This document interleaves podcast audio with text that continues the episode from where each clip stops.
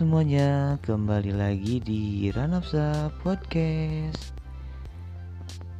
Nah, di podcast kali ini kita akan membahas orang-orang yang penting di dunia komunikasi dan tentunya sangat menginspirasi. Banyak sekali orang-orang yang berperan penting di dunia komunikasi yang tentunya saya tidak bisa sebutkan satu persatu. Nah, tapi sebelum kita membahas orang penting di komunikasi,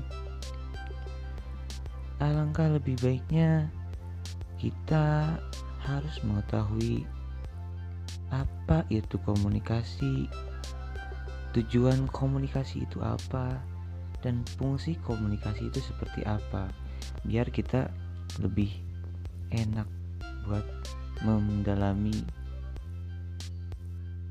si tokoh komunikasinya.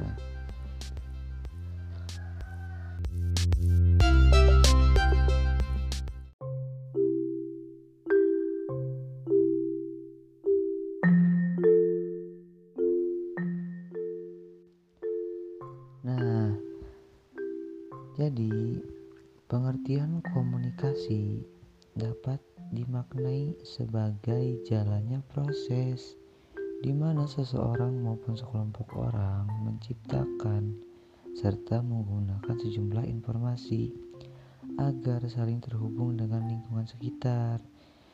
Jadi, seseorang atau sekelompok orang itu menciptakan atau menggunakan sejumlah informasi itu agar bisa terhubung dengan lingkungannya gitu kan agar bisa masuk ke lingkungan tersebut. Begitulah. Terus secara umum komunikasi bisa dilakukan secara verbal serta dapat dipahami oleh kedua belah pihak. Jadi ketika si A sama si B sedang berkomunikasi harus saling memahami kalau tidak, nanti bakal timbul miscommunication. Terus komunikasi menurut para ahli di antaranya seperti yang disebutkan oleh Anwar Arifin. Nah, menurutnya arti komunikasi adalah jenis proses sosial yang erat kaitannya dengan aktivitas manusia serta syarat akan pesan maupun perilaku. Nah, begitulah menurut Anwar Arifin. Ada juga yang beropini yaitu Skinner. Dia menyebutkan komunikasi sebagai suatu perilaku simbolik maupun lisan di mana pelaku berusaha memperoleh efek yang diinginkan.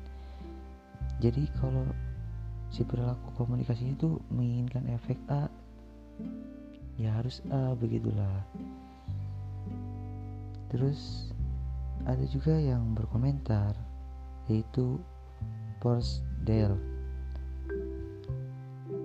Dia menganggap komunikasi adalah jenis proses pembentukan pemeliharaan serta pengubahan suatu dengan tujuan agar sinyal yang telah dikirimkan berkesesuaian dengan aturan.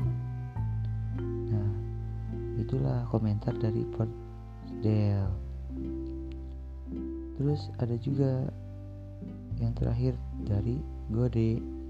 Dia mengungkapkan bahwa Komunikasi merupakan suatu kegiatan untuk membuat suatu kemudian ditunjukkan kepada orang lain. Begitulah pengertian-pengertian komunikasi secara umum maupun menurut para ahli.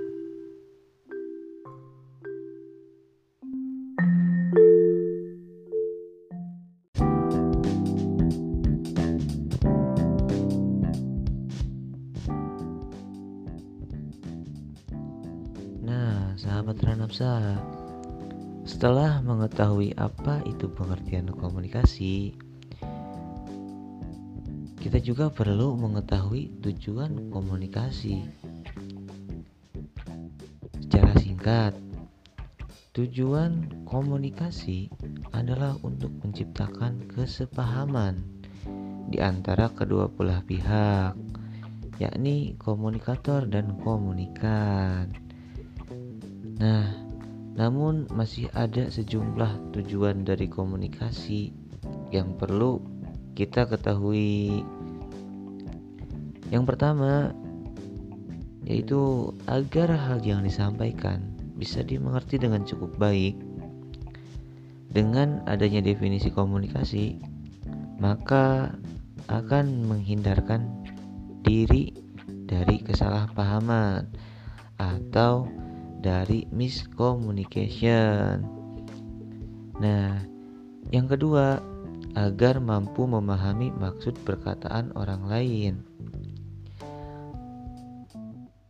Kita belajar tujuan komunikasi juga agar bisa mampu memahami maksud perkataan orang lain.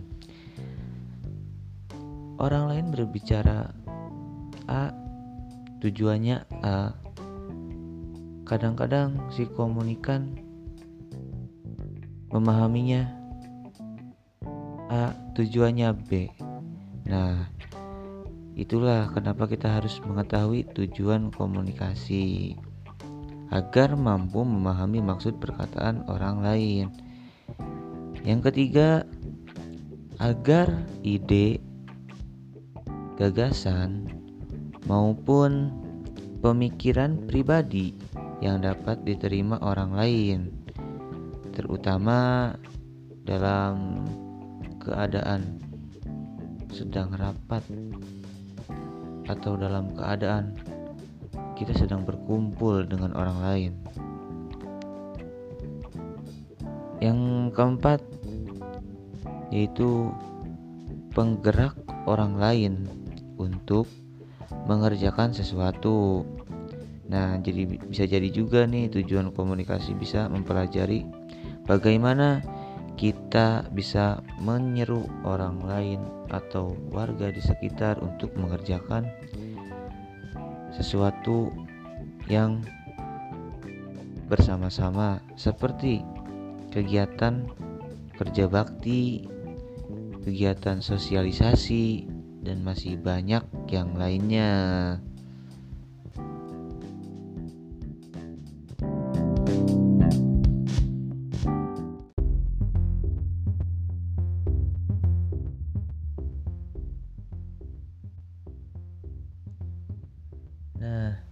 Selain tujuan komunikasi, fungsi komunikasi juga dapat memberikan manfaat yang baik bagi kita.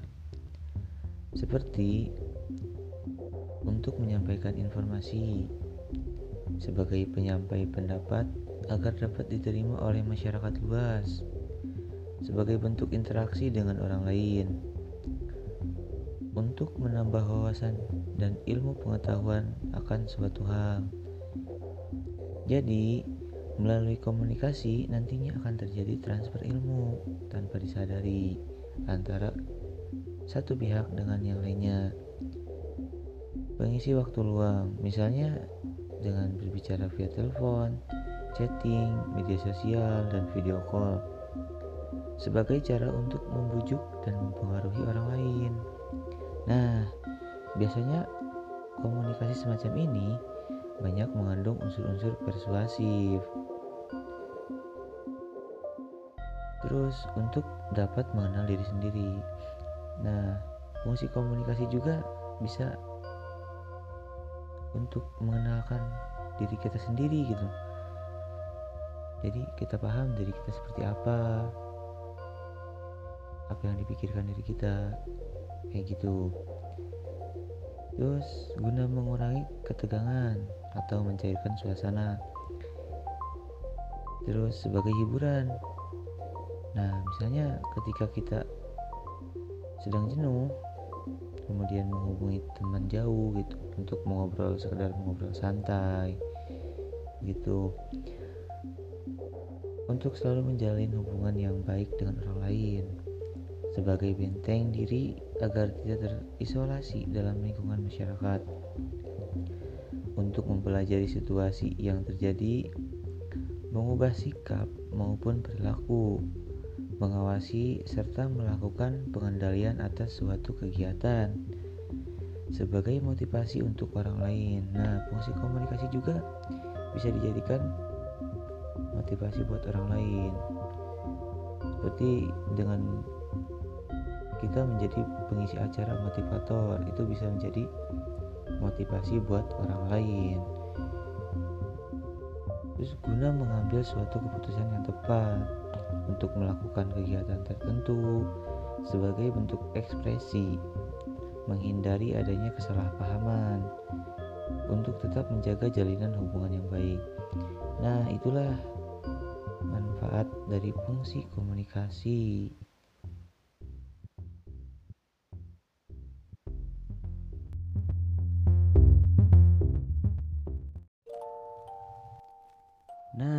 Sahabat Ranapsa, sekarang waktunya kita untuk membahas tokoh-tokoh yang berperan penting di dunia komunikasi. Kebetulan saya memilih salah satu tokoh yang menurut saya sangat menginspirasi, yaitu tokoh bernama George Gerbner, penemu teori kultivasi. George Gerbner dilahirkan di Budapest, Hongaria pada tanggal 8 Agustus 1919. George Gerbner menaruh minat awal pada cerita rakyat dan unggul sebagai penyair.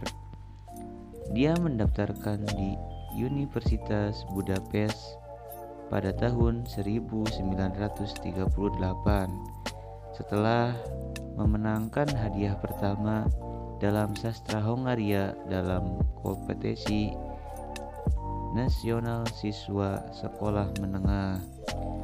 Namun, pada tahun 1939, ia melarikan diri ke Paris untuk menghindari wajib militer ke tentara Hongaria yang saat itu berada di bawah pemerintahan sayap kanan yang bersekutu dengan Nazi Jerman tidak dapat memperoleh visa untuk memasuki Amerika Serikat. Di tempat saudara tirinya, Laszlo Benedict adalah seorang pembuat film Hollywood. Gerbner melakukan perjalanan pertama ke Meksiko dan dilanjutkan perjalanan dia ke Kuba.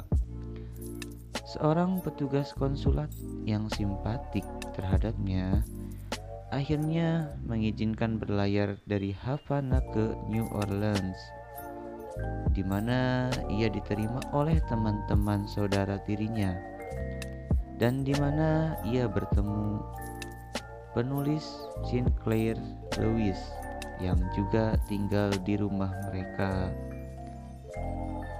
Dari New Orleans, Gerbner menumpang ke California dan mendaftar di University of California, Los Angeles. Meskipun segera dipindahkan ke Berkeley untuk belajar jurnalisme. Setelah lulus, ia bekerja sebagai reporter dan editor untuk San Francisco.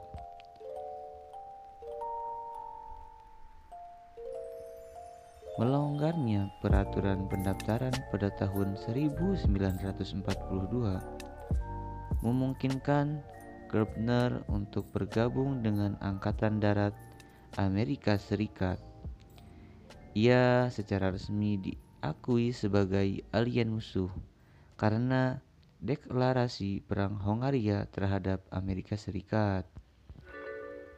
Dilatih sebagai penerjun payung di Fort Benning, Georgia, ia dipindahkan ke kantor komando strategis dan akhirnya tiba di Italia.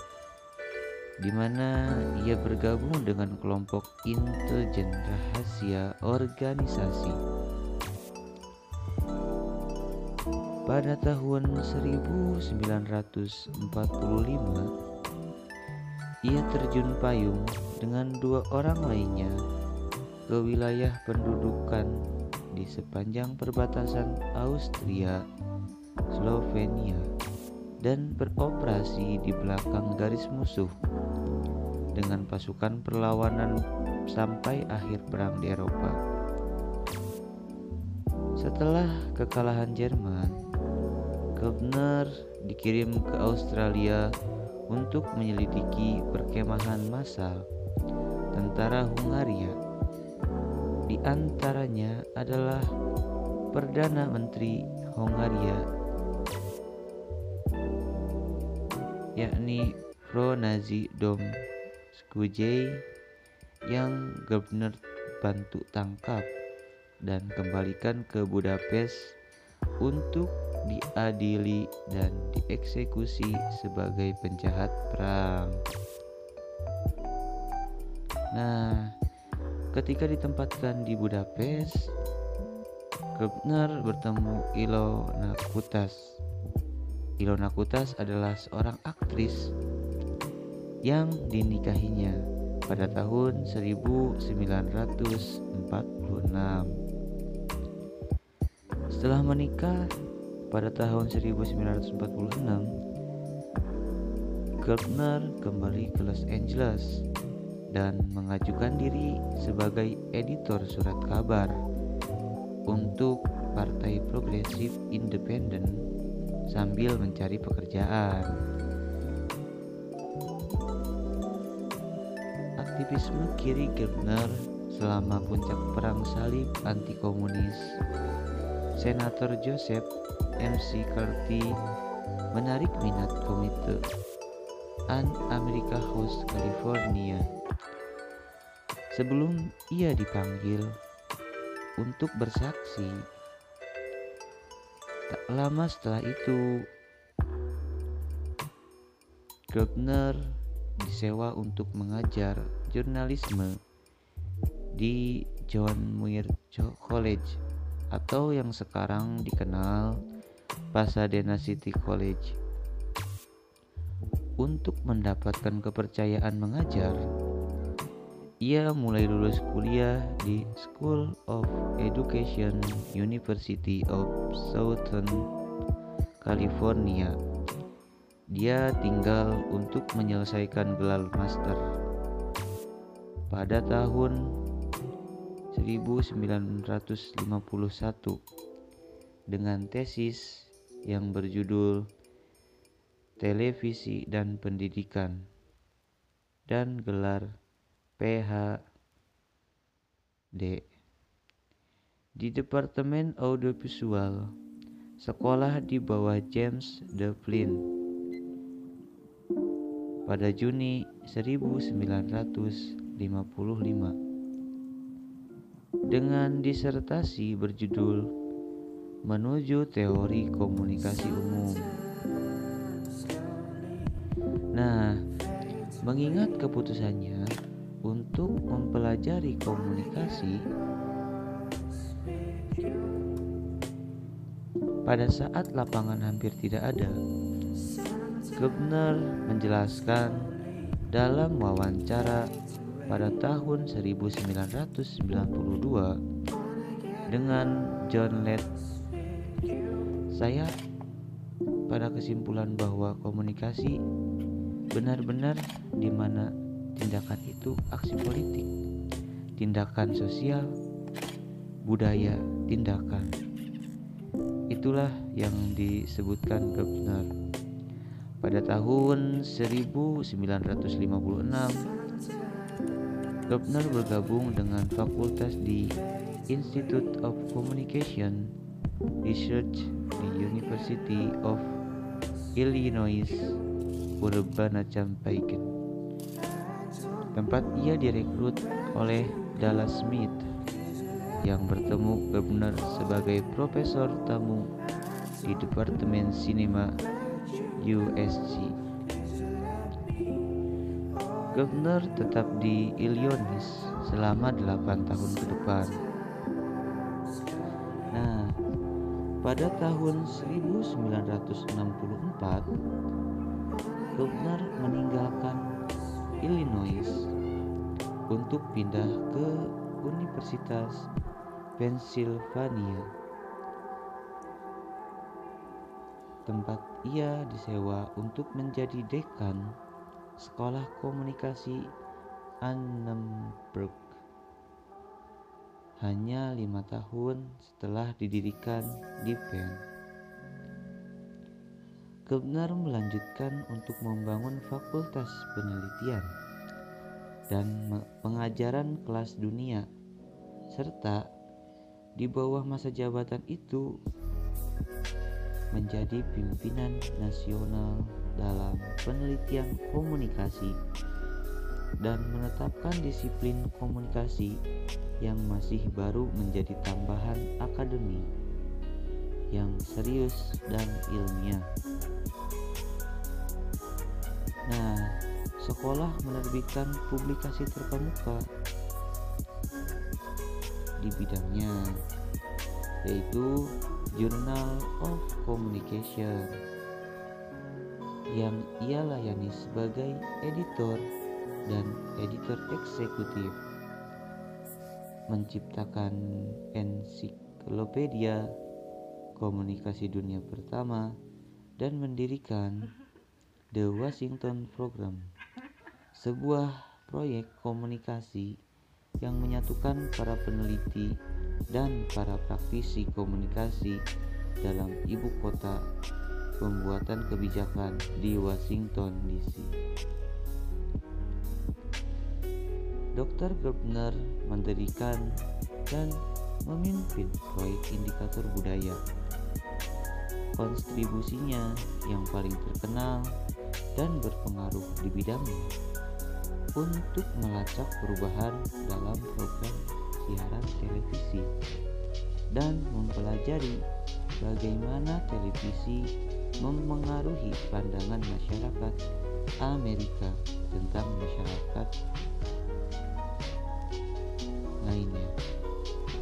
Basis data proyek mengumpulkan lebih dari 3.000 program televisi dan 35.000 karakter program televisi. Dr. Krebner menerima banyak penghargaan dan merupakan anggota dari beberapa komite penasihat dan komunisi dan komisi penelitian dalam komunikasi. Pada tahun 1979, ia ditunjuk sebagai anggota ECA oleh Asosiasi Komunikasi Internasional. Pada tahun 1986, ia diangkat sebagai ketua subkomisi komunikasi dan masyarakat Komisi Ilmu Sosial Masyarakat Amerika.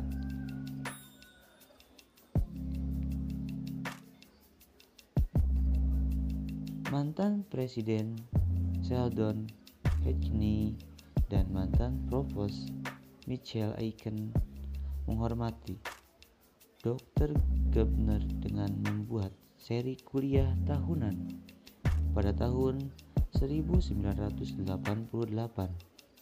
yang dikenal sebagai George Gebner Lecture in Communication. Dr. Gebner pensiun dari jabatan dekan pada tahun 1989 setelah 25 tahun sebagai dekan sekolah Annenberg dekan universitas terlama di universitas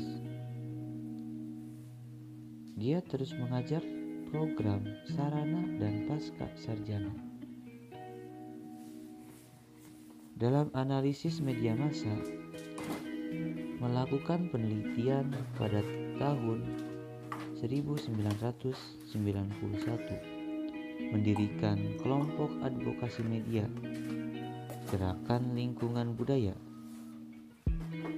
hingga pensiun dari PEN pada tahun 1994 dan pada tahun 1997 Dr. Grubner bergabung dengan Temple University sebagai Bell Atlantic Professor telekomunikasi di mana ia terus mengajar, meneliti, dan mengadvokasi melalui CIM.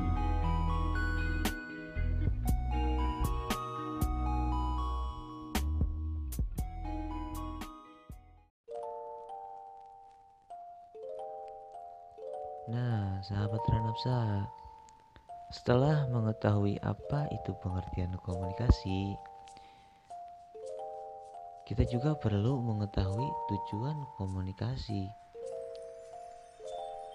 Secara singkat, tujuan komunikasi adalah untuk menciptakan kesepahaman di antara kedua belah pihak, yakni komunikator dan komunikan. Nah, namun masih ada sejumlah tujuan dari komunikasi yang perlu kita ketahui. Yang pertama yaitu agar hal yang disampaikan bisa dimengerti dengan cukup baik. Dengan adanya definisi komunikasi, maka akan menghindarkan diri dari kesalahpahaman atau dari miscommunication. Nah, yang kedua, agar mampu memahami maksud perkataan orang lain. Kita belajar tujuan komunikasi juga agar bisa mampu memahami maksud perkataan orang lain. Orang lain berbicara A, tujuannya A, kadang-kadang si komunikan memahaminya A tujuannya B. Nah itulah kenapa kita harus mengetahui tujuan komunikasi. Agar mampu memahami maksud perkataan orang lain. Yang ketiga agar ide gagasan maupun pemikiran pribadi yang dapat diterima orang lain, terutama dalam keadaan sedang rapat atau dalam keadaan kita sedang berkumpul dengan orang lain. Yang keempat yaitu penggerak orang lain untuk mengerjakan sesuatu Nah, jadi bisa jadi juga nih tujuan komunikasi bisa mempelajari bagaimana kita bisa menyeru orang lain atau warga di sekitar untuk mengerjakan sesuatu yang bersama-sama seperti kegiatan kerja bakti, kegiatan sosialisasi dan masih banyak yang lainnya.